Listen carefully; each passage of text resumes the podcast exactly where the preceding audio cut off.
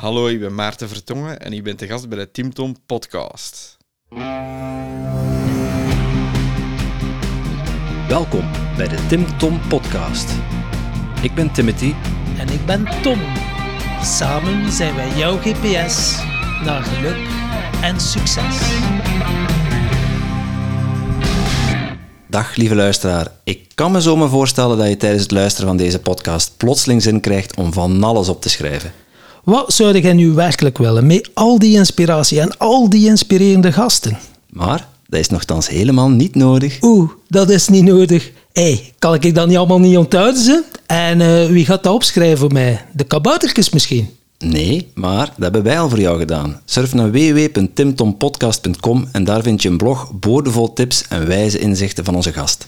En als je er dan toch bent, download dan meteen ons gratis e-book vol boekentips, luistertips en nog meer inspiratie voor jouw persoonlijke groei. Dag lieve luisteraars en welkom bij alweer een nieuwe aflevering van de Tim podcast.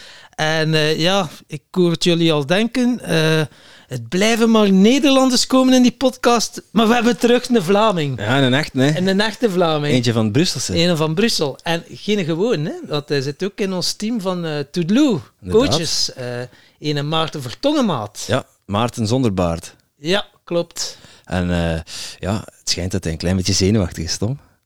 Maar het is er toch nog niet aan te zien. Behalve dat hij hier zit te stuiteren op zijn stoel, valt al heel goed mee, vind ik. Inderdaad, we zitten hier in de paardenstal. We zitten wel nog in Nederland, want we zijn hier op tour. En uh, ja, de Maarten is met ons mee. En dat was een uitgelezen kans om hem uh, zelf ook eens aan de tand te voelen. Want, ja, een ja, vat vol verhalen ook, hè? Ja, en die heeft wel het een en het ander meegemaakt, hè? En gedacht, rugzakje vol, dat we zeggen. We gaan eens uh, snel luisteren, zie. Dag Maarten. Hallo, Welkom jongens. bij ons in de podcast. Ja, spannend hè? Ja, eigenlijk wel hè. Ja. Ja. Het is de eerste keer dat hier zelf zo voor een microfoon zit. Dus, uh... Zit ja, wel op je gemak hopelijk, want uh, er komen een paar ongemakkelijke vragen op je af. Want wij zijn al uh, twee weken onszelf aan het voorbereiden over wat zouden Maarten kunnen vragen. We zijn er nog niet helemaal over uit. Nee.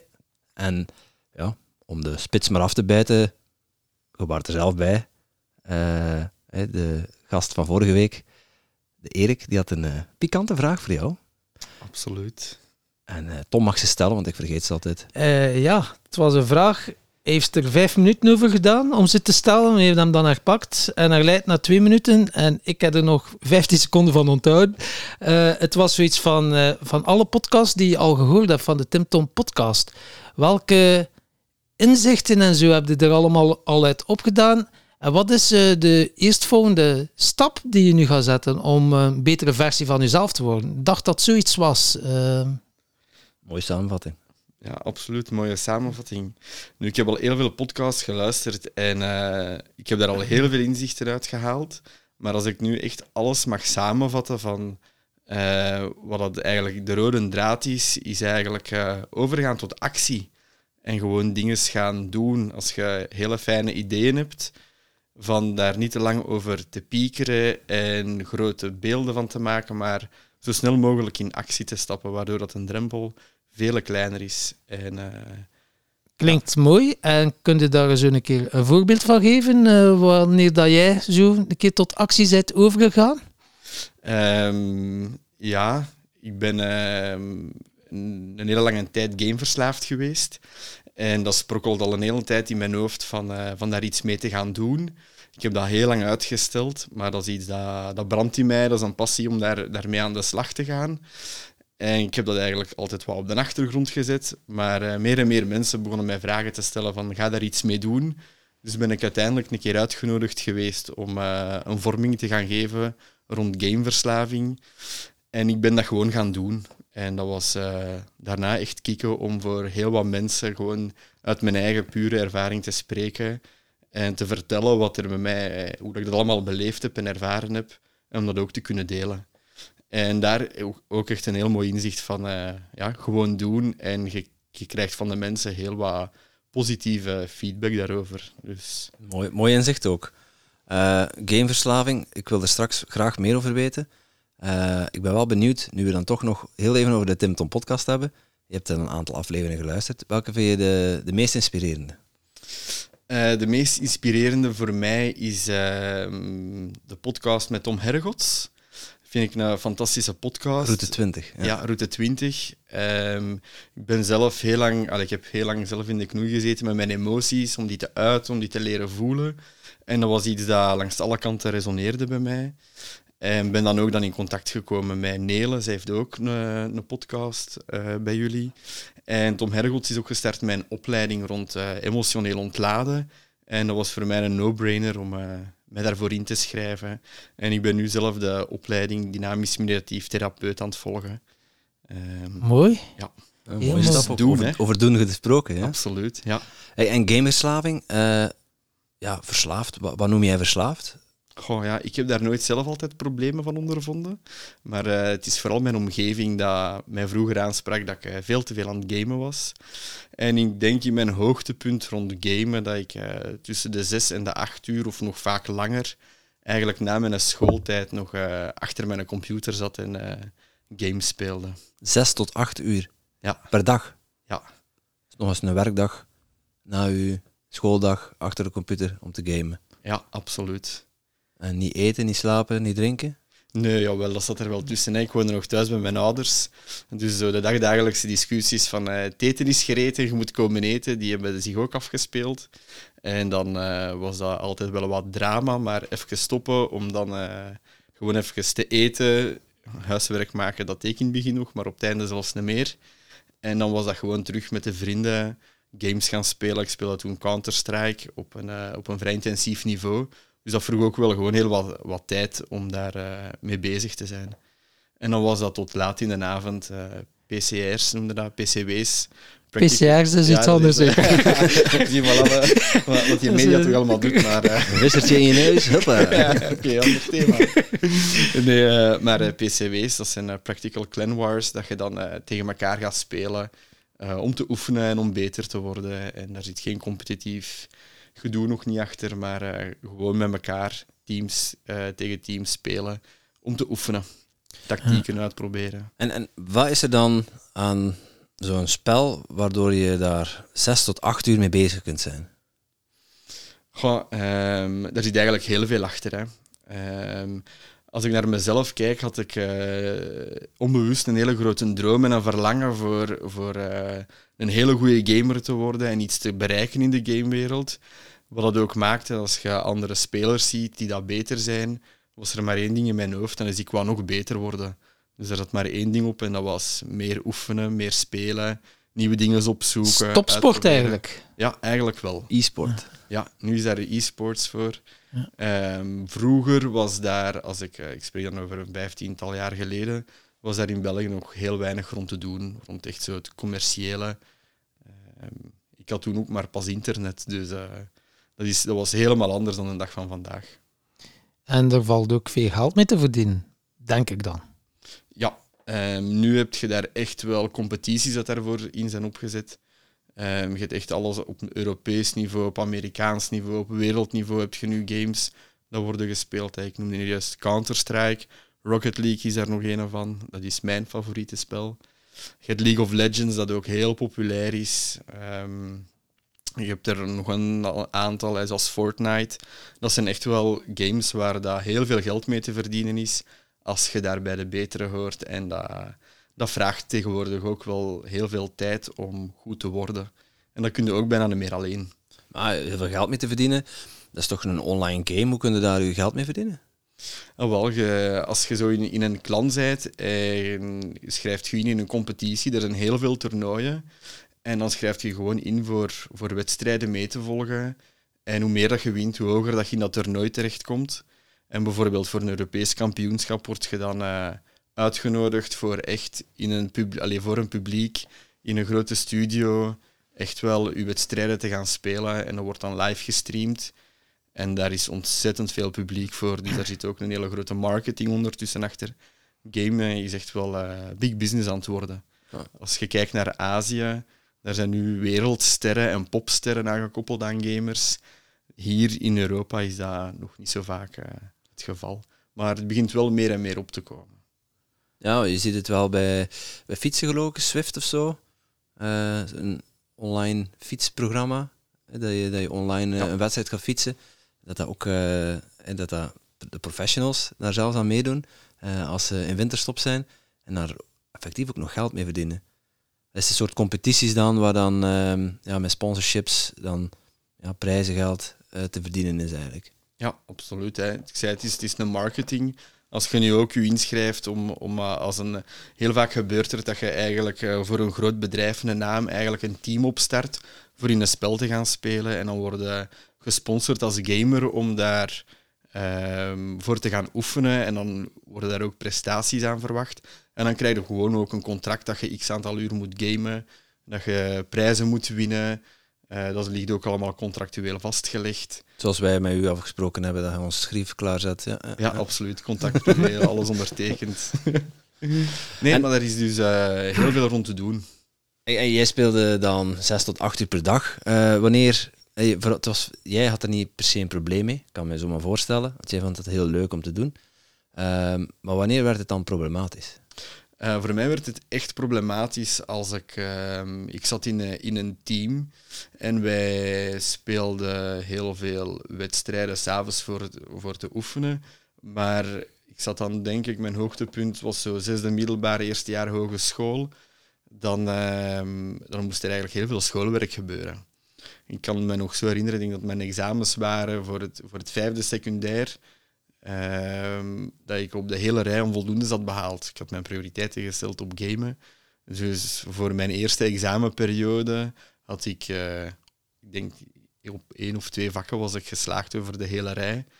En dan begin je wel te merken van, ai, shit. Want zowel, dan is het niet alleen nog dat ouders dat moeilijk beginnen doen. Eén of twee vakken geslaagd, dat betekent voor de rest gebuist. Ja, ja, ja. Dus, eh, over de, Ja, je framet het heel mooi, maar... eh, ja. Maar best. uiteindelijk, ja, je hoeft ervoor niet aan gamen verslaafd te zijn om daar resultaat te behalen, wil ik er even aan toevoegen. Nee, nee, dat is, nee dat, is, dat is waar. Dat is waar. Maar als je het vergelijkt met mijn voorgaande resultaten dat ik haalde op school, die waren altijd wel vrij goed. Hmm. Ik heb nooit echt heel veel moeten studeren voor goede punten te halen. En dan is dat verschil in één keer heel groot. Dat mijn ouders ook zeiden, wat is hier aan de hand?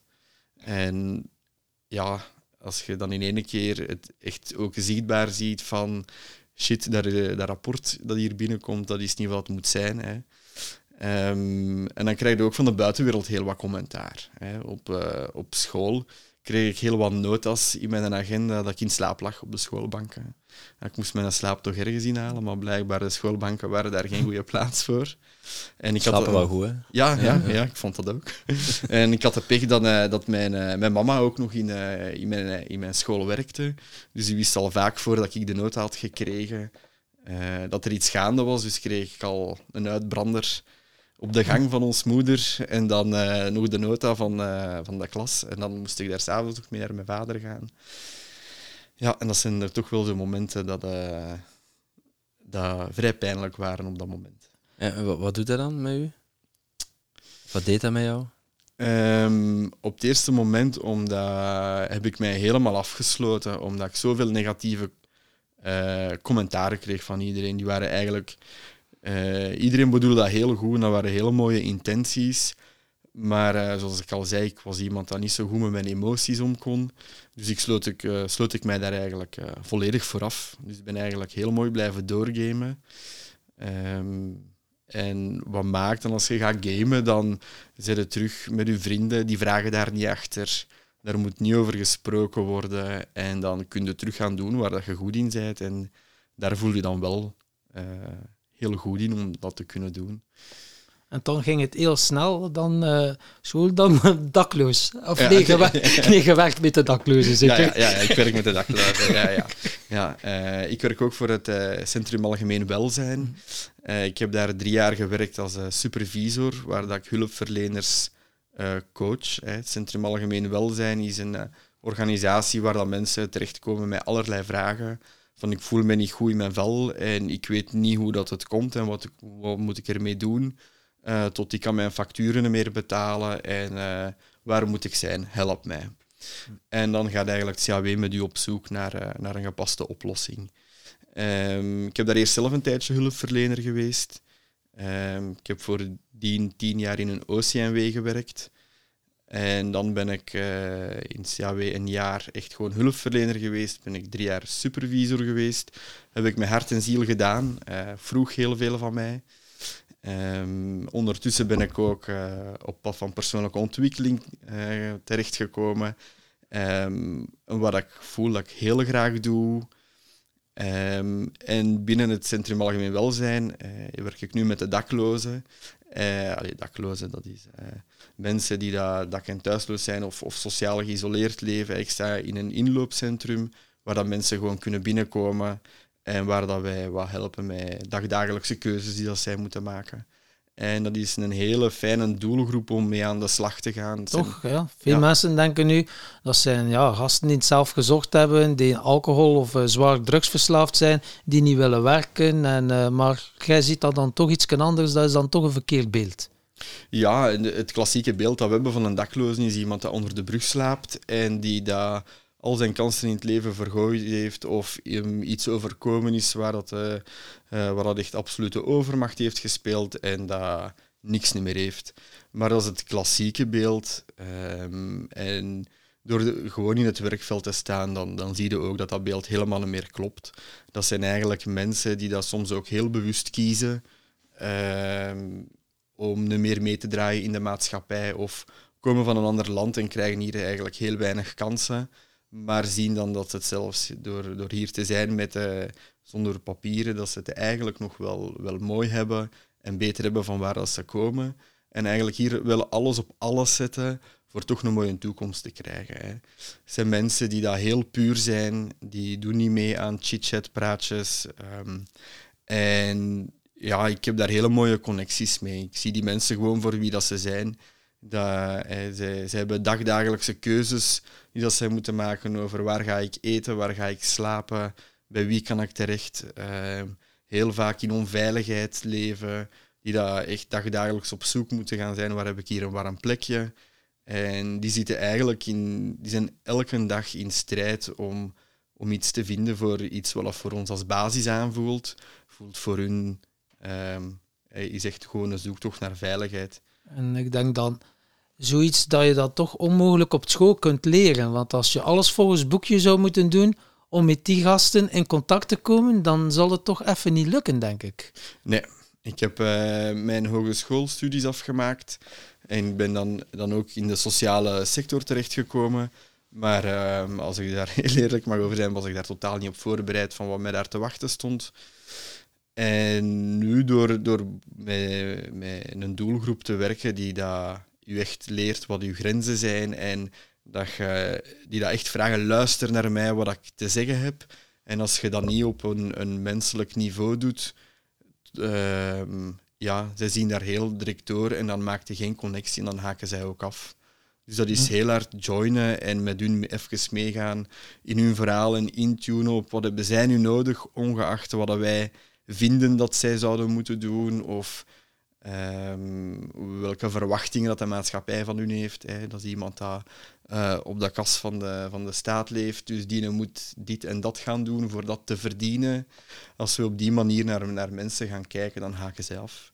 Dus ik kijk echt naar hun van wat hebben zij nu nodig en, en ik ga echt kijken vanuit hun noden en dat is gewoon heel vaak pure mensheid, hè. een verbinding, iemand die luistert en en samen met hun op pad gaat op hun tempo. Ja, ja, je bent dus wel iemand die heel puur bent. En ik vermoed dat dan ook wel heel schrijnende verhalen zijn af en toe. Hoe kan je dat gescheiden houden of neem je dat mee naar huis? Want ik kan me wel voorstellen dat je, ja, als je zo wat empathisch bent of je hebt echt wel een hart, dat dat soms wel harde verhalen zijn, dat dat toch eens iets, ja, dat je dan toch wel even, ik weet het niet. Ja, dat is iets dat je ook niet op de schoolbank geleerd. Hè. Um, en in het begin um, nam ik dat wel, wel mee naar huis. Hè. Ik heb een heel lang proces moeten aangaan om te beseffen van, van als iemand een verhaal vertelt, dat is zijn verhaal. En welke meerwaarde gaat het geven als ik meega in dat verhaal en die, in die pijn dat iemand anders voelt. Terwijl als zij eigenlijk iemand nodig hebben dat hun kan laten zien van uh, die pijn dat je nu voelt, hoe kun je dat gaan omzetten in een kracht en wat heb je nu nodig? En als je volledig mee in die pijn gaat, ja, dan gaat je mee in de tunnel en dan ehm, is het gewoon veel moeilijker om, om uh, u ernaast te zetten en te gaan kijken wat heeft iemand nodig. Hè. Um, ik ga dan, dan echt kijken in, in mijn rugzak wat ik allemaal heb geleerd uh, en wat kan ik bieden aan die mensen. En dat is mijn denkproces dat ik dan onderga en niet van oei oei, ai en ja, dat is het niet en zo mee in die slachtofferrol gaan. Uh, dus als ik het goed begrijp, jij gaat dan vooral focussen, wat kan ik nu zelf eigenhandig nu momenteel doen? Ja, absoluut. Ja. ja. En een, een, klassiek voorbeeld van bijvoorbeeld meegaan in, in een verhaal is hè, um, iemand dat alles ontnomen heeft, geen inkomen heeft en dat je dagelijks moet vechten, die is boos, die is gefrustreerd. En die is heel vaak gefrustreerd dan op de maatschappij. Iemand anders heeft het altijd gedaan. En als je dan in een eerste gesprek gaat, komt die boosheid heel hard naar boven hè, bij mensen. En jij moet mij dat geven en jij bent een slechte maatschappelijk werker. Of voor de zeg jij en ik wil dat en jij geeft mij dat niet. En als je dan mee in het verhaal gaat en je gelooft dan ook nog zelf van ik ben inderdaad geen goede maatschappelijk werker, want ik kan dat hier allemaal niet bieden, ja, dan gaat je mee in de emoties en de boosheid van, van de persoon dat voor u zit en dan kun je niet helder meer denken. wat heeft zo iemand dan wel nodig? Um, ik denk dat hij mag boos zijn op uh, wat er gebeurd is of wat hij tegenaan gelopen is. En mag die wel ook de boodschap krijgen dat, uh, dat daar inderdaad soms wel een stukje onrecht is. En in eerste plaats erkenning geven voor die boosheid. Want als je in, in strijd gaat om die boosheid te gaan weerleggen, wat we als naturen hebben van we gaan ons verantwoorden en um, we gaan weerleggen wat die mensen eigenlijk wel zouden verdienen, ja, dan gaat je mee in het verhaal en dan geeft je niet de erkenning daarin.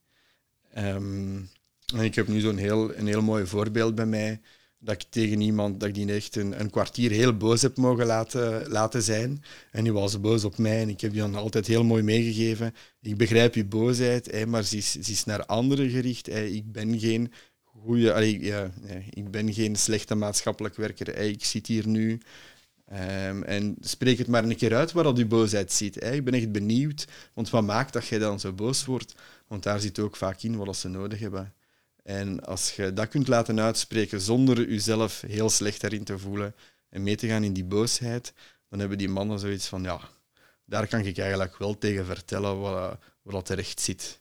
Mhm. En dat, dat is wel, wel heel schoon, want dan krijg je ook heel vaak een, eh, een excuus van die mannen achteraf van, het was inderdaad niet naar u.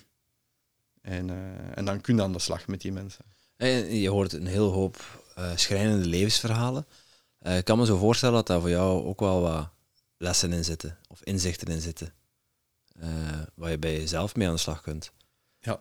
Um, als, je er zo, als je er zo drie zou moeten noemen, drie inzichten die je op hebt gedaan tijdens werken met, uh, met daklozen, wat is het eerste wat in je opkomt? Goh, dankbaarheid. Hè. Um, als je, hè, er is wel de realiteit dat ik s'avonds thuis kom in mijn eigen huis en en bij mijn vrouw en mijn kinderen. En dan um, ben ik ontzettend dankbaar van waar dat ik nu woon en waar dat ik nu sta en wat ik al gepresteerd heb in mijn leven. En dat maakt ook dat ik wel, wel heel gemakkelijk los kan komen van materiële zaken. Ik heb geen dure dingen nodig of, of een, een, een groot huis met een hele grote lange tuin en dan een, een, een schone auto op de oprit. Um, voor mij dat belangrijkste les daarin is dankbaarheid van, van wees blij met wat je hebt en het kan ook anders. Um, een tweede les, dat is um, echt wel uitspreken wat je nodig hebt. En dat gebeurt niet altijd. Hè. Mensen gaan heel vaak in, uh, in een slachtofferrol of gaan heel hard eisen van hier heb ik recht op. Um, maar het gewoon heel menselijk kunnen benoemen waar dat je nood aan hebt, dat hebben wij niet altijd geleerd. Nee. Of we leggen de verantwoordelijkheid heel vaak bij iemand anders, maar echt gaan spreken van oh, dit heb ik nu nodig. Um, en of ik heb iemand nodig om mee te gaan praten. Uh, dat zijn dingen dat wij vroeger nooit echt geleerd hebben. Hè. Bij mij zit het ook nog heel hard van uh, dat ik het zelf moet oplossen. Um, je vroeg drie inzichten. En uh, een derde inzicht is... Ja, iedereen heeft zijn eigen verhaal. En dat is ook een mooie van, van uh, alle mensen die ik gezien heb. Geen enkele verhaal is uniek. En dat vind ik gewoon, gewoon prachtig. Geen enkel verhaal is uniek, zeg je. Of elk verhaal Elk is verhaal is Ja, ja, uniek. ja, Ja, oké, ja, ja, ja, ja, ja, is zo'n wijsneus. Ja, hè? Ja, ja, ja, ik dacht van, oké, ik zeg... Nee, eh, merci, ja. Eh, ja, elk verhaal is uniek en Hm. iedereen geraakt er op zijn eigen manier en op zijn eigen tempo. En ik vind dat wij wel ehm, de mensen tempo mogen geven dat ze nodig hebben om ergens te geraken. En heel vaak ehm, wordt alles in procedures gegoten. En voor hier recht op te hebben, moet je dat doen. Maar er wordt nooit gevraagd wat hebben de mensen zelf nodig, of heel weinig. En dat is wel iets waar dat ik nu wel een punt van maak van ehm, als we iets gaan opleggen aan mensen, doe het samen. Hè. Vraag echt aan hun wat gaat helpen, wat hebben ze nodig. En ga er niet van uit van ehm, om, om, als zij recht hebben op, op dat stukje geld, moeten ze dat daarvoor in de plaats gaan doen. Als het wordt opgelegd, dan werkt het niet. En dat is iets wat eigenlijk nog heel veel gebeurt in de sociale sector. Verwachtingen van de maatschappij naar mensen. En dat is iets waar, dat, waar dat ik nu echt wel ga voor staan, ook naar andere organisaties toe. Van als het niet lukt of ze willen het niet, dan gaan ze het ook niet doen. Dan gaan we een andere oplossing zoeken. Het is ook meestal zoiets van naar die mensen toe eerst respect geven vooraleer dat je respect kunt ontvangen, denk ik dan ook. Ja, absoluut. Ehm, en, en met respect geven, eh, ik denk vooral mensen in hun waarde laten. Ja. Hè. Als eh, mensen hebben gewoon soms niet geleerd op een, om op een bepaalde vriendelijke of zachtaardige manier iets te vragen of een boodschap mee te geven. En als dat hun manier is om op, ehm, eh, via een bepaalde frustratie, boosheid of passief-agressief eh, iets, iets, een boodschap willen meegeven, dat die er ook gewoon mag zijn. En ehm, wat dat ook maakt, grenzen geven en helderheid is waar, dat, waar dat je heel veel mee bereikt. Hè. Als iemand passief-agressief met mij, naar mij toe is, dan ga ik je daar ook wel een grens in geven van dit is niet de manier waarop dat wij gaan communiceren of in gesprek gaan gaan. Eh, want grenzen zorgen voor, voor transformaties bij mensen. En die hebben zij soms gewoon ook nodig. En als je dat heel helder kunt geven, zonder afbreuk te doen aan, aan de persoon dat ze zijn, dan krijg je wel die respect. Ja, die kaders. Ja. Gewoon even duidelijk Ja. maken van kijk, ik wil u helpen, maar ga wel op die manier en kunnen het ook op andere manieren zeggen. Of, eh, Ja, ja. maar u niet afstraffen voor de manier waarop ze, dat het hebben gezegd. Hè. ja. Want dan gaan we weer naar afkeuring, afwijzing. En dat is net bijvoorbeeld een thema dat daar heel veel speelt. En vanuit de wederzijds respect. Ja. Ik, een stukje gelijkwaardigheid dan. Hè, Ja. Dat je jezelf niet boven, eh, boven die andere persoon stelt. Is, is dat wat je, wat je bedoelt? Ja, absoluut. Ja. Ehm, dat is ook iets. ehm, ik ga mij altijd naast een persoon zetten. Ik ga mij daar nooit boven of onder zetten, of ik heb geen verwachtingen. En ik behandel eigenlijk iedereen als, als een gelijke. En ik ga voor mezelf ook. ehm, neem ik altijd een houding aan van niet wetende. Eh, ik weet ook niet alles. En ik wil ook niet belerend zijn. Want eigenlijk krijg ik eh, veel meer lessen mee van, van die mensen. Daar leer ik ook ontzettend veel uit. En daar ben ik ook heel dankbaar voor. En dat zeg ik ook. Goh, amai, nu heb je mij toch wel iets bijgebracht. En dat komt ook wel binnen bij die mensen. En dat is gewoon heel eerlijk zijn. Hè? En, en benieuwd. En ja, ik weet het niet. Vertel het mij een keer. En dat brengt verhalen van mensen. Zo echt wel weer dat nieuwsgierig zijn en zo oprecht geïnteresseerd zijn uiteindelijk. Dat mensen zo het gevoel hebben, ah, kijk, mijn stem wordt toch nog gehoord. Ja, absoluut. Eh, Wat zijn zo nog eh, trucjes of tips die je die eventueel onze luisteraars kunt meegeven om, om in dialoog te gaan met mensen? Want eh, wat je nu net omschrijft is effectief in dialoog gaan met mensen. Eh, luisteren, eh, oprecht vragen stellen, geïnteresseerd zijn, respect tonen. Eh, heb je er nog? Ehm, een hele mooie vind ik, waar ik een heel lang proces over gedaan heb, is als je in gesprek gaat, eh, zelfbewust zijn van je eigen referentiekader. Hè. Want wij proberen het altijd goed te doen voor de mensen. En wat voor ons gewerkt heeft, proberen wij ook aan anderen mee te geven. Eh, maar wees bewust, dat komt van, uit je eigen referentiekader. Hè. En wat voor mij helpt, helpt niet voor een ander. Dus als ik in gesprek ga met mensen, dan schakel ik mijn eigen referentiekader uit. Want dan is dat toch maar ruis.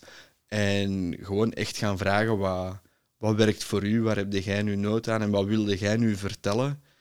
Ehm, ja, dat stukje van eh, ik denk dat, dat, dat je dat beter zou doen, of zo ongevraagd advies geven, dat schakel ik uit. Dat, we doen dat vanuit een hele goede intentie, want het werkt en ik heb het meegemaakt. En als jij dat op die manier gaat doen, dan gaat dat ook wel lukken. Dat, is, uh, dat vermijd ik volledig. En dat zeg ik ook tegen mensen als ik, als ik toch nog zoiets binnensluipt, uh, zeg mij dat. Ja. Als ik uh, advies aan het geven ben dat niet werkt, zeg mij dat.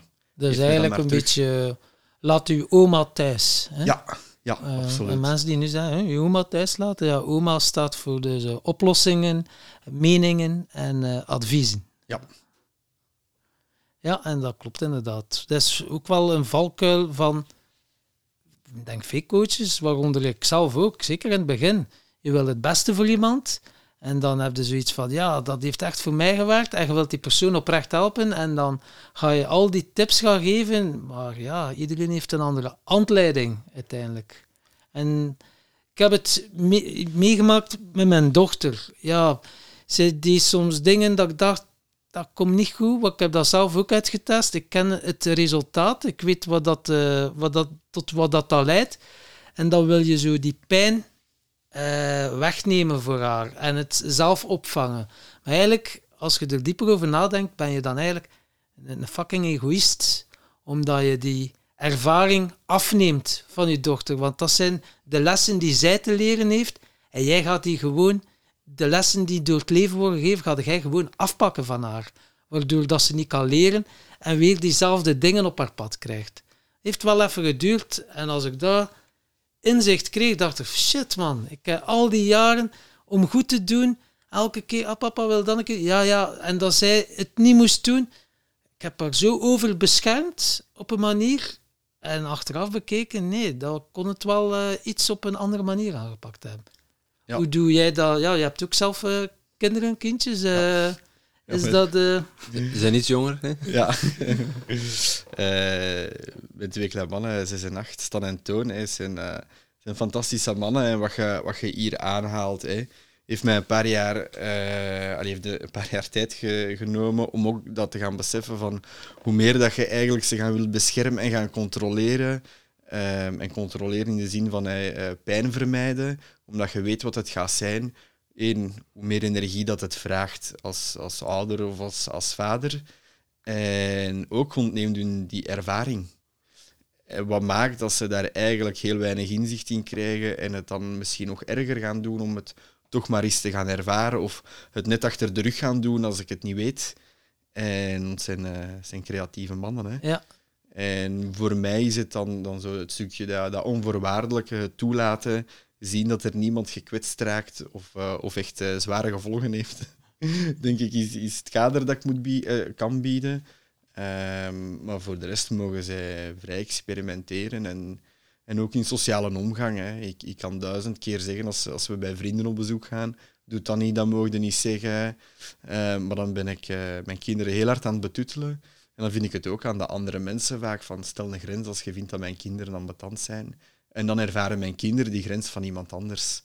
Want als ik die continu geef, hè, die, uh, dat werkt zo niet. Nu zullen veel mensen denken, dat is nog een makkelijke. Ja, als je bij een andere gaan en zij kunnen het kot laten afbreken en zelf niet zeggen en los het dan zelf maar op.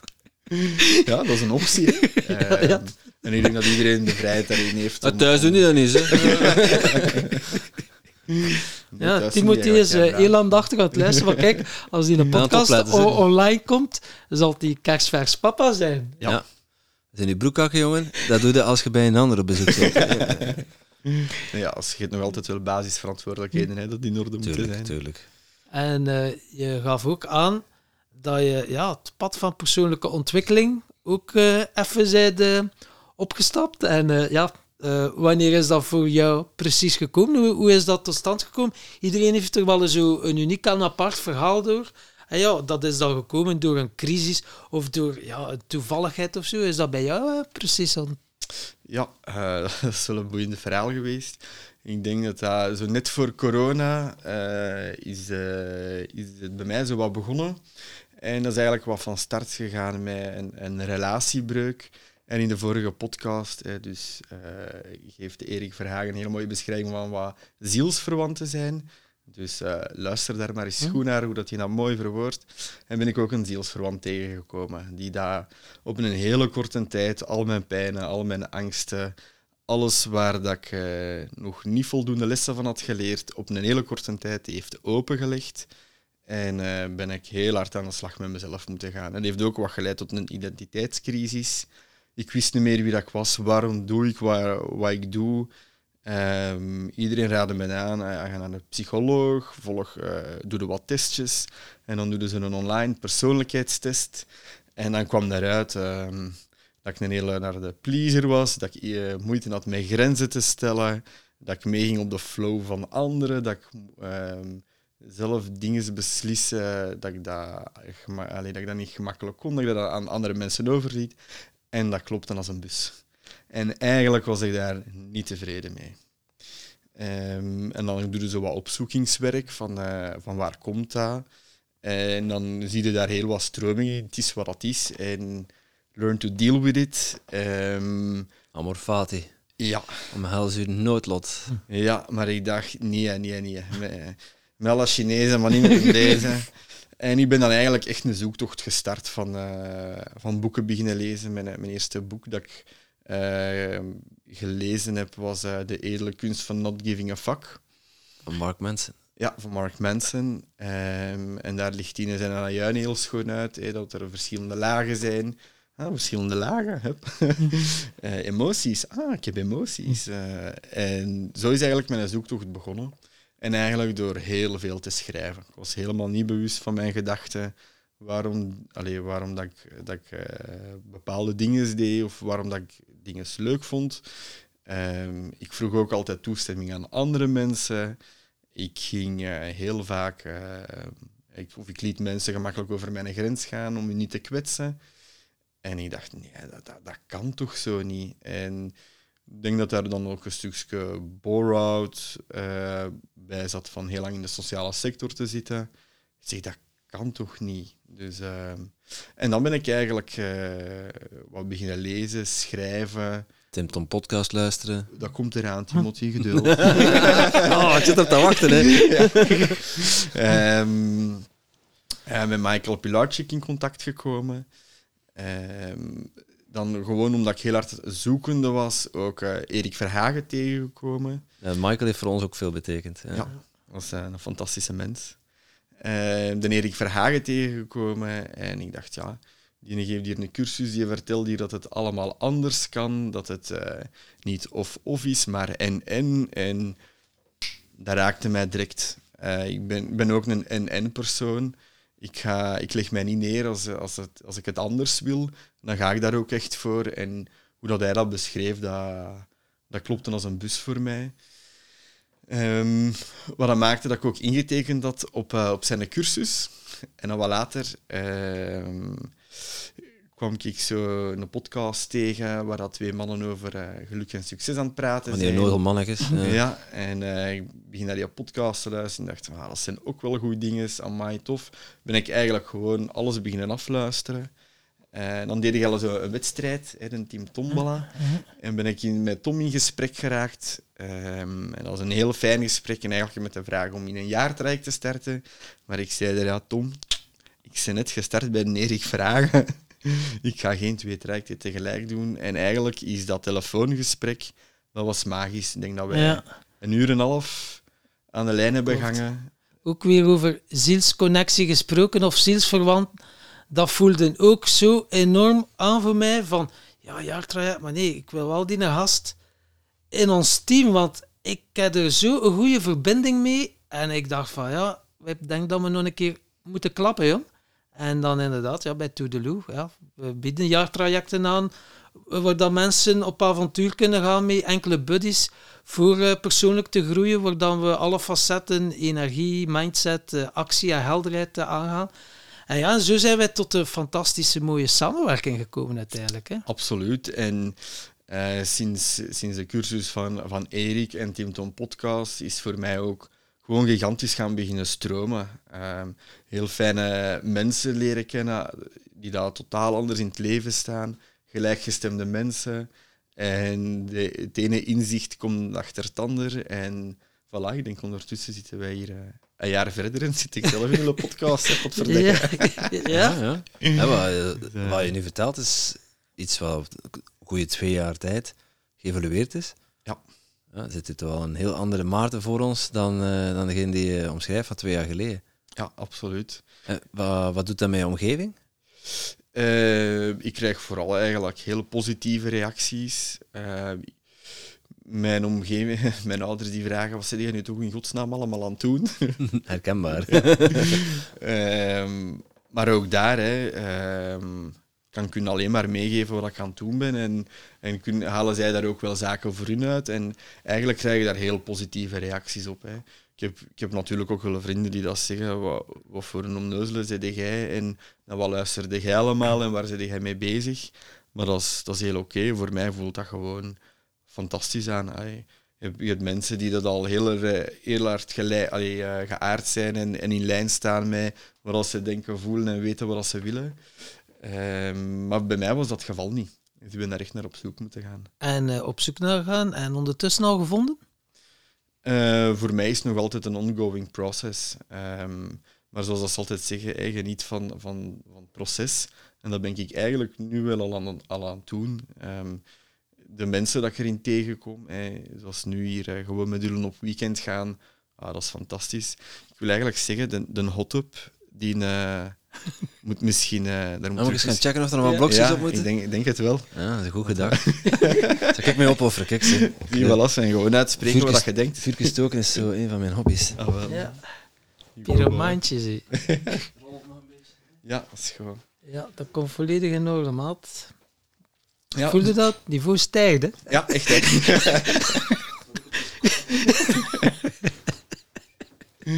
Eh, dus heb, heb ik het al gevonden? Nee, nee zeker, zeker nog niet. Maar ehm, het begint wel helderder en, en helderder te worden naar waar dat ik naartoe wil gaan. En zoals... ehm, ehm, eh, ja, dat een Timothy Ja. is. Helder. Helder. nee, dus ik ben, ben vooral nog zoekende. En, en ik heb nu gewoon al geleerd wat dat, wat dat goed voelt op mijn pad. Daar mag, ik, eh, daar mag ik ja tegen zeggen. Ja, en wat dat ook zo is, alles komt met een reden op je pad ook, hè. En ook dingen dat je eigenlijk dat je denkt, ah, dat wil ik niet, dat wil ik niet voelen. Het is er toch met een reden. Want als ik één ding geleerd heb, je ontkomt er niet aan. Het blijft elke keer terugkomen in een andere vorm, maar het is wel diezelfde trilling of energie of situatie of een persoon. En zolang dat het niet in jezelf geheeld hebt, het leven geeft je constant kansen van, allee, een nieuwe kans zie. Gaat er naar kijken, naar die pijn, gaat helen, dan komt er iets nieuws. Maar ja, wij blijven er zo van die koppige ezels af en toe. Of dan denkt je, dat wil ik niet voelen. En dan ja, gaat het naar verslavingsgedrag, vluchtgedrag, Ja. conflictvermijdend, het pleasen. Het zit er allemaal in. Hè? En, eh, Ik heb al eh toedeloe gezegd tegen een paar van die strategieën. ja. maar eh, er zijn er nog een paar hardnekkige en die mogen er ook zijn, want die hebben nog altijd een betekenis en die vervullen nog altijd bepaalde behoeftes waar ik nog zelf niet altijd aangeraak. Want ik ben ervan overtuigd, je kunt pas iets helen of iets gaan oplossen vanuit een, eh, vanuit een moeiteloosheid. Hè. Wanneer dat je iets mee gaat forceren, het moet stoppen of, of stoppen op wilskracht. Ehm, ik vergelijk dat altijd met een bal eh, dat je onder, allee, of, of een luchtballon dat je onder het water duwt. En hoe harder dat je daarop duwt, hoe harder dat hij ook in je gezicht terugkomt. Ja. Dat is zoals met mij roken. hè. Iedereen weet dat ik een, een goede roker ben. Hoe vaker dat ik stop met roken en hoe langer dat de periode geweest is, hoe meer dat ik daarna terug begin te roken. Ja, ja, ja. En het, het loslaten, of eh laatst zei iemand, ja, loslaten is zo'n woord. Ik gebruik altijd het vrijlaten. Ik dacht, wauw, dat is eigenlijk wel ook mooi om te zeggen in plaats van loslaten, iets vrijlaten. Maar dat kan je pas doen als je het doorleefd en doorvoeld hebt. Dat je er echt naar gekeken hebt. Want ik hoor het veel tegenwoordig in cursussen. Ja, ja, laat maar los, laat maar los. Ja, hoe doe je dat, iets loslaten? Doe jij eh, zo een quick fix voor de mens? Of hoe doe jij dat, iets loslaten? Iets loslaten. het eerst accepteren dat het een deel van u is en dat het u, u dient op dit moment, want anders zou het niet doen. En hoe meer dat je dat eigenlijk gaat verwerpen van jezelf, hoe harder dat, je, dat het moeilijk is om daar los van te komen, want dat blijft terugkomen. En als je kunt kijken, want het is een strategie dat mij eigenlijk wel iets oplevert en ervoor zorgt dat ik wel bepaalde gevoelens kan ervaren in mijn leven, ja, dan, dan is dat gewoon zo. Dan is dat mijn oplossing. En pas van daaruit kun je gaan kijken hoe kan ik dat anders gaan invullen of heb ik het nog nodig? Dient het mij nog? En vaak als je dan in de gedachte gaat, dient het me nog niet? Eigenlijk niet. Ja. dan dan is, is het gewoon soms heel simpel. Hè. We gaan het soms ook heel ver zoeken. Ehm, het is soms iets dichter bij ons dan... Uh... Ja, waarom doe je nog iets eigenlijk? Hè? En vanaf dat u die vraag stelt, ja, waarom doe ik eigenlijk nog dat? En dan kun je, ja, wie beslist dat? Ja, jij zelf op een manier. Hè? Ja. En, uh... en, en, het is wat jij zegt, we zijn quick fixers. Hè. Um, als er een probleem is, we noemen het pas een probleem als er een oplossing voor is. En dan gaan wij op zoek naar de oplossing. Anders hadden we het een feit genoemd. Voilà. ja.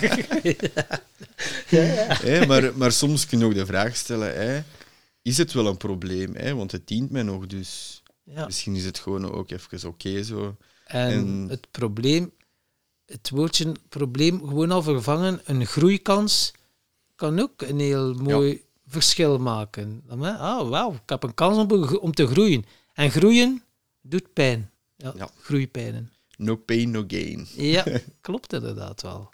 En uh, ja, die, die pijn toelaten, daar ben je ook nog niet volledig aan doen, want anders stop je mee roken, denk ik. Hè? Ja, absoluut. En uh, heb je zoiets van ergens daar ben ik wel benieuwd. Ah ja, ik heb zelf ook lang, ja, mensen weten dan ondertussen wel dat ik lang verslaafd ben geweest. Maar, Serieus? Dat uh, staat in iedere podcast. ja. Dat wist ik nog niet, Tom. Ja, ja, maar, je weet het nu. Dus, maar uh, ben er wel benieuwd naar. Dus je weet van, oké, okay, sigaretten roken is niet goed voor mij.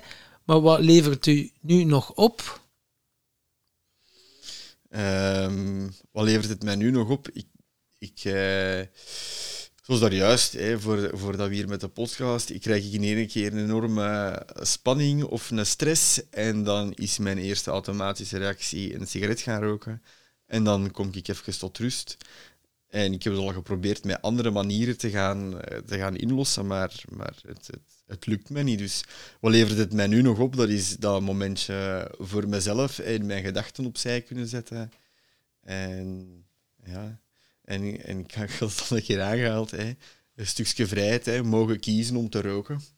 Maar ja, is het dan wel een vrijheid? Want ik ben nogal vrij afhankelijk van die sigaret. ja, het is wel boeiend. Hè. Maar uh, kijk, mensen die nu horen, dan heb ik met uh, Maarten hebben we dan ondertussen al enkele afleveringen. We gaan samen een podcast starten over verslavingen. Ja, ja. Je bent al succesvol gestopt met uw gameverslaving.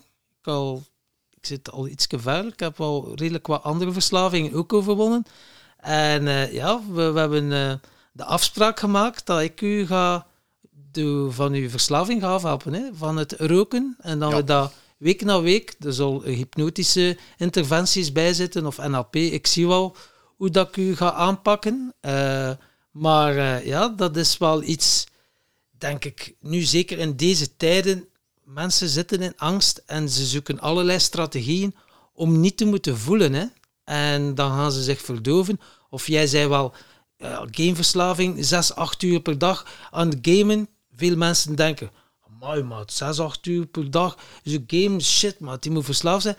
Maar dat zijn dan wel de mensen die 6 tot 8 uur met hun neus voor televisie zitten te kijken. Naar het journaal, naar soaps, naar films. De televisie gaat aan om 5 uur en, en om 12 uur gaat de televisie uit. En dan, weet je, dat is ook, ja, wij krijgen van de maatschappij zoveel mogelijkheden om onszelf af te leiden om niet naar binnen te hoeven gaan uiteindelijk. Ja, dat klopt. En, en wat je van, van dat gamen zegt, dat was ook zo. Hè.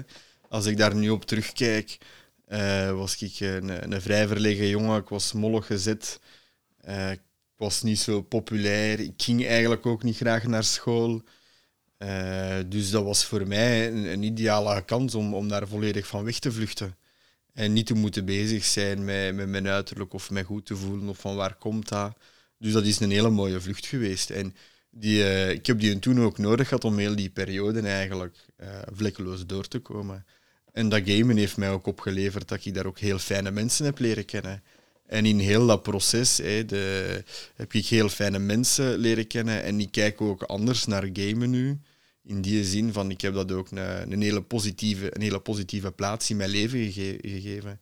Ik speel nog altijd de dag van vandaag spelletjes op de computer. Maar eh, dan is dat vooral eh, met de intentie van met vrienden samen te zijn. Ik speelde meer met vreemde mensen. Ik ga enkel nog spelen met mensen die dat ik echt ken, waar ik plezier mee kan maken. En dan zie je dat als een, als een avondje weggaan. Eh, En hoeveel vrienden hebben ze? 7 miljard? Drie, Tom, drie. eh, Drie miljard. ja.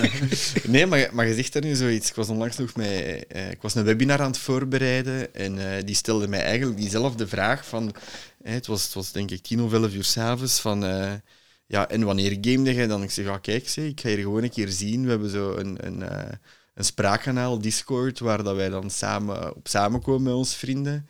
En ik zeg, ik kan altijd gamen. Ik zeg, hup, nu, hup. er is zes man online zijn, ik kan er gewoon meespelen. En voilà. Dus dat is instant. Daar zit heel vaak gewoon mensen online beschikbaar. En dat zijn allemaal vrienden dat ik ken. Want ehm, als ik eh, nog de droom had om, eh, om een bekende gamer te worden, ging ik ook met onze, met onze clan, dan gingen wij naar LAN-parties. En dat was de bedoeling om daar eigenlijk wel prijzen binnen te slepen. Maar als je dan op zo'n LAN-party komt, ik, weet niet wat dat, dat gekend is voor iedereen, een LAN-party. Ja, dan neem je de computer onder de arm. eh, eten en drinken voor een ganse weekend, ganse week.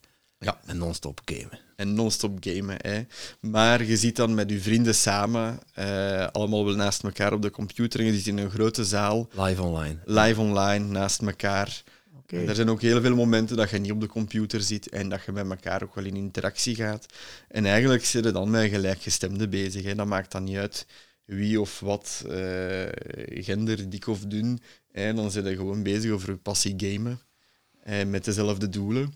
Maar dan kwamen wij op die land en zie je dat dat competitieniveau eigenlijk ontzettend hoog ligt. En daar is eigenlijk mijn droom wel aan diggelen gegaan van als ik nog meer, als ik echt daar nog meer wou in bereiken, dan moest ik nog meer gaan gamen. En eh, daar heb ik zo wel wat in gezien dat dat competitief eigenlijk niks voor mij was en dat ik eigenlijk gewoon op zoek was naar vriendschap en dat ik met mijn vrienden wou gamen. En hebben we dat eigenlijk omgezet. eh, Zo een land dat was met, met 1200 man, Fragomatic.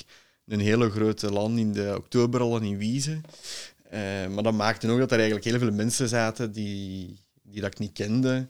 Eh, ook wat, wat gedoe, want er staan wel dure materialen en iedereen behandelde dat met evenveel respect. Hebben we eigenlijk besloten met onze vriendengroep van zelf LAN-parties te gaan organiseren. En dat is eigenlijk zo begonnen met vier in een garage, eh computertjes aan één, eh, een paar uurtjes doorgamen en dan in de zetel blijven slapen, verder spelen. En dan is dat uitgerold naar van vier, naar zes, naar acht, naar tien. Ehm, en nu, 15 jaar later ongeveer, eh, doen wij nog twee landparties eh per jaar. Een daarvan is in de zomer en doen we, tot voor corona deden we dat eigenlijk in een hele grote tent. En dan huurden wij een circustent af, waar dat we dan 60 plaatsen voor zagen voor mensen die daar kwamen gamen. Ehm, wij deden daar vooral ook kampvuren en eigenlijk was de, het leuke daaraan van gewoon allemaal samen zijn. En wij gooien dat niet op de markt en dat is gewoon puur voor eh je mag komen als je iemand kent. En alles, we werken in vertrouwen, wij vragen heel, niet weinig, allee, wij vragen heel weinig geld. Gewoon dat we alles kunnen bekostigen, kunnen daar gewoon drinken, eten een heel weekend en samen zijn en samen een spelletje spelen. Het is eigenlijk een vriendengroepje, echt die vriendschap nog. Ja, absoluut. En het gamen verbindt jullie Ja, ja. op die manier. Ja. Maar ik vind het wel eh, een interessante, hè, wat dat je zegt. En de Dus, landkabel.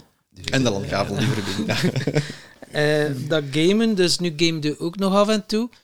Maar hoe zet je daar je grenzen in dat je er niet over gaat? Want ik denk dan zo, allee, iemand die dan kookverslaafd is geweest, hè, die stopt, of alcoholverslaafd, hè, en die stopt, die zegt, ja, nu ga ik het nog enkel zo een keer recreatief doen, als het een keer leuk is. Maar dat, eh, ja, ik weet dat niet. Ja, ik vind dat, eh, bij mij zou het niet werken, maar bij jou wel. Dan is het bijvoorbeeld, oké, ik game nu twee uurtjes, en, of hoe gaat dat? kun je eigenlijk dat voornemen van twee uur te gamen, maar als je in die tunnel zit en je maakt plezier, dan uh, is die, uh, die discipline om uh, mijn twee uur is voorbij, stop, zelf stop te zeggen, dat is iets dat je moet aantrainen. Hè. En vaak gamen, is, vooral jongeren gamen, we hebben niet altijd die discipline direct van ik moet nu stoppen en op tijd gaan slapen. Hè. De jeugd staat in de stopknop. Hè? Nee, voilà, die gaan en gaan. Dus ik kijk daarvoor ook wel zowel naar, naar de jongeren van hey, dit is een spier dat, we, dat je mocht gaan trainen maar ook naar de ouders. Hè. Um, hier de... zit de stekker van de wifi. Ja. Nee, niet doen. Hè. Nee? Dat, is, nee, nee, nee, nee, dat is iets dat ik zeg. Uh, dat is echt last, last resort. Maar uh, zover moet dat niet komen. Maar dat is wel een stukje een grens aangeven. Hè. Ik, ik zei ook, grenzen zorgen voor transformatie, maar zorgen ook voor helderheid en duidelijkheid. En dan is het niet een ouder dat dat bijvoorbeeld alleen zegt om tien uur moeten stoppen, maar uh, dat je samen in gesprek gaat van tot waar wil, tot hoe laat wilde gamen. Eh, want je weet, morgen is er ook school en is er huiswerk. En dan heb je daar ook tijd en ruimte voor nodig. En om daar samen dan gewoon over in gesprek te gaan. En je hebt nu wel al uh, ja, zo tientallen mensen begeleid in het gamen. Hè. Je hebt uh, gewerkt ook uh, in een praktijk, bij psychologenpraktijk, ja. als ik het goed voor. En ook, je ook zelfstandig in bijberoep, waar je trajecten aanbiedt om zowel de jongeren als de ouders. Je begeleidt zowel jongeren als ouders, als ik het goed begrepen ja, heb. dat klopt. Ik ben onlangs ingestapt in een uh, psychologenpraktijk Bamboe in een kapel op den Bos. En daar bied ik eigenlijk trajecten aan, ja, of gesprekken aan, individuele gesprekken, waar ik met jongeren of met ouders uh, aan de slag ga rond overmatig gamen. Hè. Wat doet dat met mij? Um, uh, jongeren hebben ook gewoon heel vaak de vraag van naast het gamen, ja, wat moet ik dan nog? Hè? Wat is er dan nog allemaal? En wat maakt dat ik zoveel game? En eigenlijk de, met hun mee gaan kijken van wat is er nog allemaal en hoe kun je het beheersbaar houden, want vaak hebben ze daar gewoon zelf nood aan om, om daar wat grenzen in te leren stellen en beseffen ze dat ook wel goed genoeg.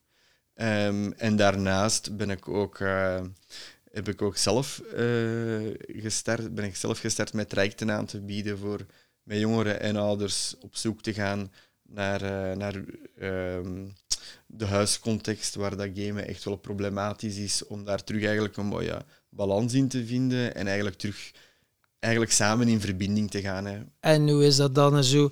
Voor dat evenwicht te vinden, kan je bij elke jongere zeggen van oké, we gaan het wat matigen? Of is bij sommige jongeren ook beter dat je zegt, het is beter dat je PlayStation, dat je die gewoon buiten zet en dat het er gewoon niet meer aankomt? Of kan iedereen op een verantwoorde manier gamen, denkt jij? Um, kan iedereen op een verantwoorde manier gamen? Het is wat je daar juist, of wat we in het begin aangehaalden, hè, door voelen, door leven. Uh, ik denk dat iedereen dat voor zich een keer moet ervaren van wat is voor mij verantwoordelijk gamen. En als je onmiddellijk gaat zeggen, uh, of je de pijn gaat besparen van het direct te stoppen en zeggen, hier stopt het en je mag niet meer spelen. En om negen uur moeten stoppen, ja, dan neemt je, ontneemt je ook wel in eerste instantie wat kansen dat ze gaan leren van, ah fuck, tot elf of tot één uur gamen is not the way to go. En dat, is, dat moeten we soms ook wel um, beseffen, dat we die kansen ook moeten geven, dat ze dan een keer mogen durven voelen in een bepaald kader wel. Mm En dat is wel iets waar, dat, waar dat ik wel, wel ouders of jongeren mee wil gaan begeleiden. Van, stel je voor, als je tot één uur zou gamen, wat zou dat met u doen? En als ze dan toch een keer gedaan hebben, dat daar een ah ja komt. En dan daar ook naar, naar onverantwoord, allez, uh, onvoorwaardelijk naar gaan kijken. Ja, wat in principe doet er niet echt iemand iets verkeerd. Hè. In tegenstelling met alcohol of drugs kan je gedrag wel zodanig veranderen dat de andere schade berokken bij gamen.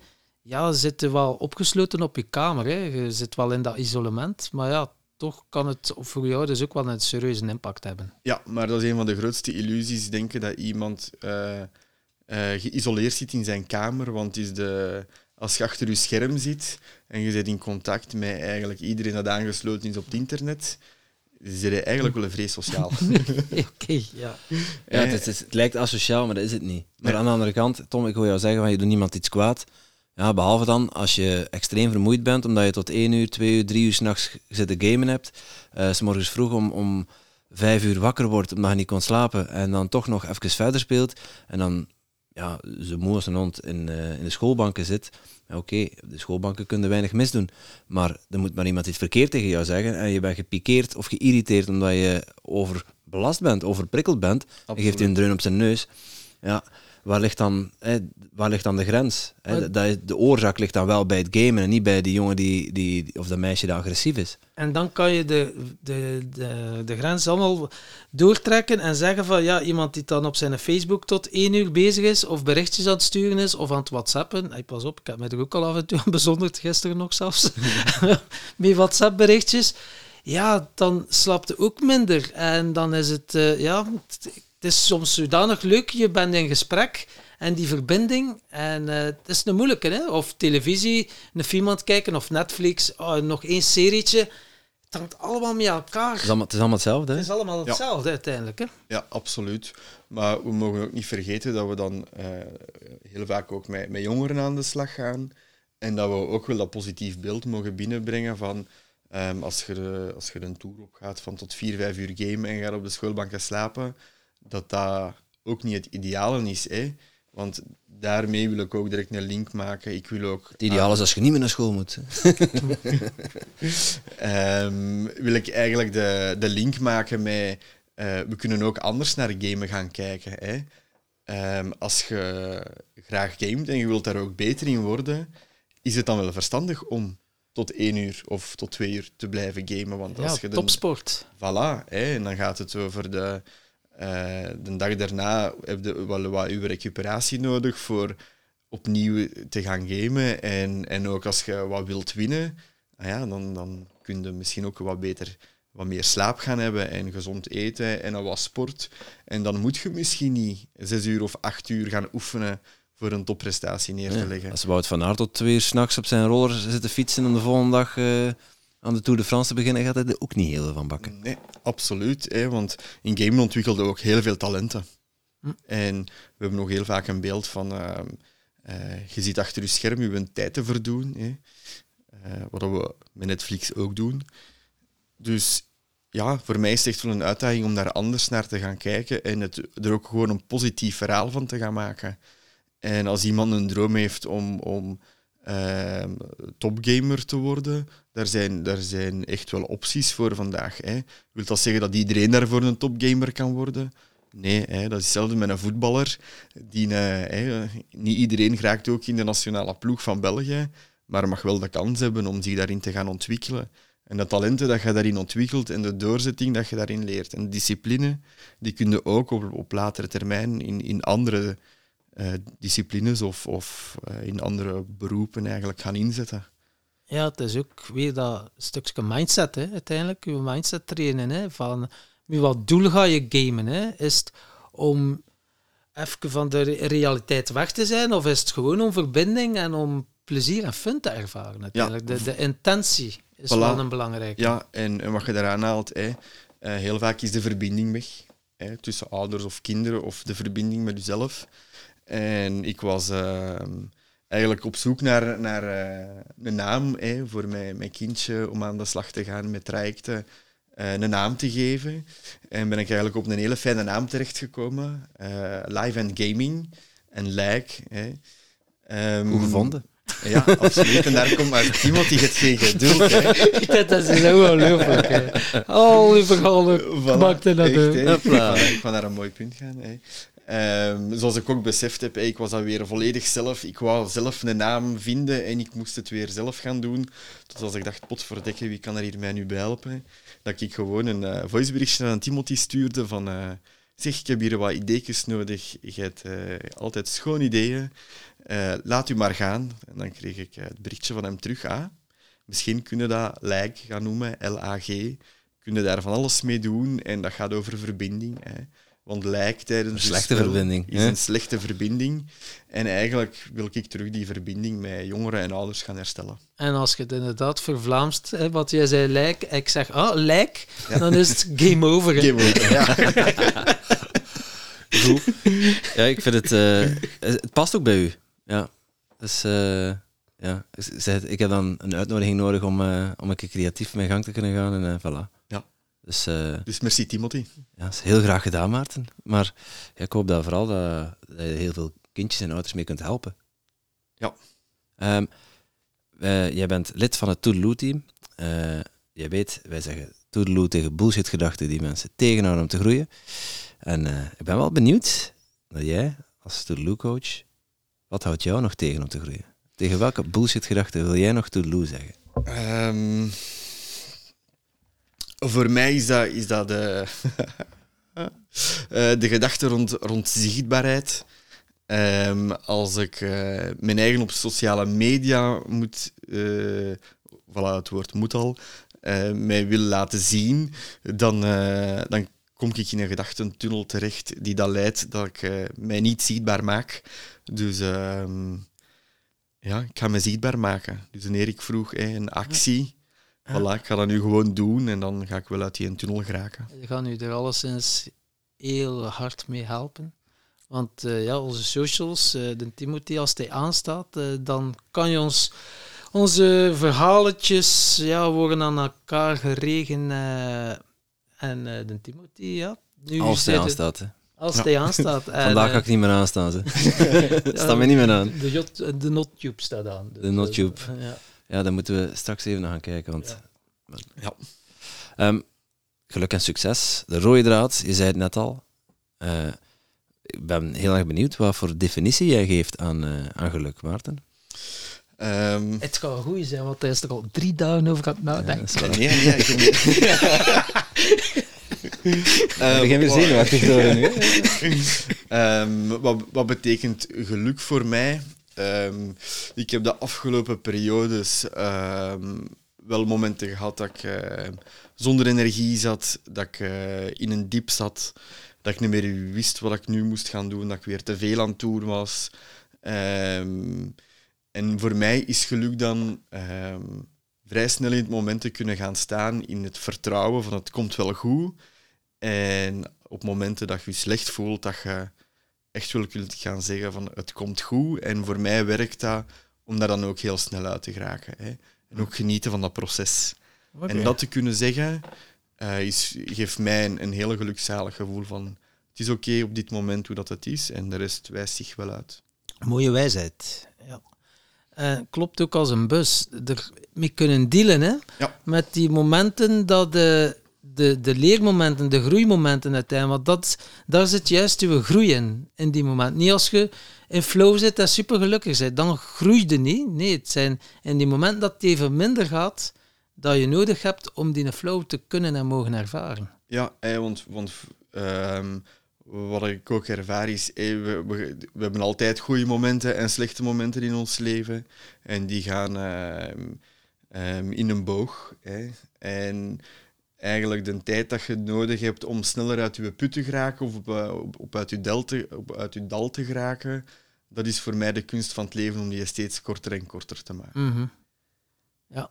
Maar je weet, het is niet op de weg terug omhoog dat de meeste inzichten zitten. Hè? Nee.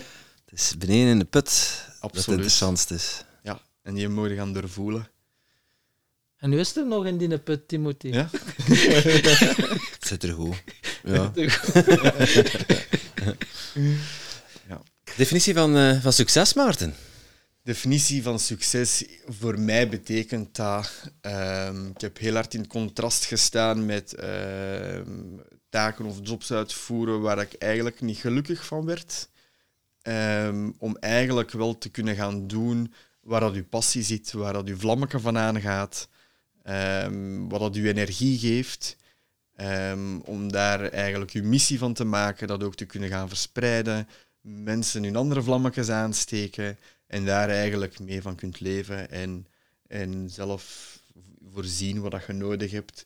En dat, ik denk dat Erik dat ook zo mooi zei, hij heeft Mhm. me dat geïnspireerd. Hè. Als je je geluk en je succes samen kunt overlappen, dat dat het mooiste is wat er bestaat. En daar geloof ik ook heel sterk in. Dat klinkt als eh, muziek in de oren. Ja. En eh, over Erik gesproken, die had een eh, mooie vraag voor jou. En jij mag een mooie vraag bedenken voor onze volgende gast. Eh, ja, dat maakt niet uit wie dat, dat is. Hè. Nee. Ehm, de volgende gast die mag eh, antwoorden op de vraag. ehm, kan je zelf een console opstarten en zelf gamen en haal je daar ook plezier uit? Oké. Dus kan je zelf eh, een console opstarten en een console is... Een PlayStation. een Xbox. Kan je dat zelf opstarten en kan je gamen en heb je dan er plezier aan? Ja, Oké. Heel eh, aparte, interessante vraag. absoluut. Ik ben benieuwd naar, eh, naar het antwoord. Ja. Wij ook. Eh, het kan heel kort zijn. Nee. Ja. dat kan dus. Dat hij de gast nog nooit gegamed heeft. Dus, eh, dat- wel, dan mag de uitdaging eraan zijn van ga maar eens gamen en zie wat het met u doet. Ja, oké. Mooi. Ehm, als mensen dit horen en denken van, goh, ja, die de Maarten, eh, met zijn, al zijn gameervaring, mijn kind is ook een vervent gamer en ik wil er eigenlijk wel wat meer over weten. Of andersom, als mensen graag gamen en ze, willen, ze denken het is een beetje problematisch, waar kunnen ze dan eh, terecht voor meer informatie, Maarten? Ehm, kunnen ze mij altijd een mailtje sturen naar uh, maartenvertongen.gmail.com. Ehm, ik ga ook nog mijn gsm-nummer beschikbaar zetten. En ehm, ook via de praktijk kunnen mensen mij vinden. Dus ik ga nog alle gegevens praktijk? bezorgen. Praktijk Bamboe in uh, Capelle Luister, nee, Timothy. Ja, ik heb Ja. geluisterd met de Ja. luisteraars. Ja, en dan mogen de mensen mij, mogen de mensen mij contacteren en dan ga ik op maat kijken wat ik eh, voor hun kan betekenen. Dat klinkt als een busman. Eh, Tot slot, nog een leuke uitsmijter, wijsheid, iets wat je wilt delen? Ehm, in het algemeen, ehm, voor mij, eh, ik heb onlangs ergens, eh, omdat ik heel, zelf met, heel hard met grenzen zelf aan de slag ben gegaan, eh, heb ik, eh, heeft iemand, ik weet niet meer wat zij, mij zei, van, eh, je krijgt altijd zelf wat dat je toelaat. En dat is iets dat bij mij blijft hangen. Van, je krijgt altijd zelf wat dat het toelaat. ja, Mooi. en dat vind ik wel een mooie om over na te denken. En denk, wat gaan wij nu toelaten? De NotTube? Ja, Ja, we hebben het hier al een paar keer gehoord in de, in de podcast, maar de Timothy heeft een vuurtje gestookt. We zitten hier in, een, in echt wel een paardenstal als locatie. Die is omgebouwd. Heel leuk, hier in eh, de omgeving van Breda. En eh, er is hier ook wellness, een hot. En eh, daar gaan we nu van genieten. Kijk ze, snel afsluiten zijn. en eh, ja, Genieten. erin duiken. Hè. absoluut. En jij natuurlijk ook super bedankt om te luisteren naar deze podcast. Voel jij je geïnspireerd? Je zou ons een enorm plezier doen door ons 5 sterren te geven of een review achter te laten in jouw favoriete podcast-app. En wil je geen enkel inspiratiemoment missen? Abonneer je dan op onze podcast of volg ons op social media at TimTomPodcast. Oké, dan moet je ook terug aan de Tom.